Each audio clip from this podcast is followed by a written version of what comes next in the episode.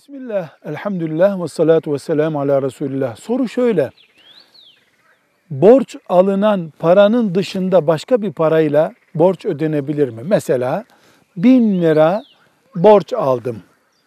Sonra o borcu ödeyeceğim gün lira yok yanımda de lira ne kadar para yapıyorsa o kadar dolar ödüyorum. Caiz mi? Caiz. Peki caiz olmayan ne? Bugün bin lira borç alıyorum ama anlaşırken diyoruz ki sen bunu 6 ay sonra dolar olarak ödeyeceksin bana diyorum. Dolayısıyla meçhul ne kadar olacağı belli olmayan bir birime intikal etmiş oluyoruz. İki pozisyon var.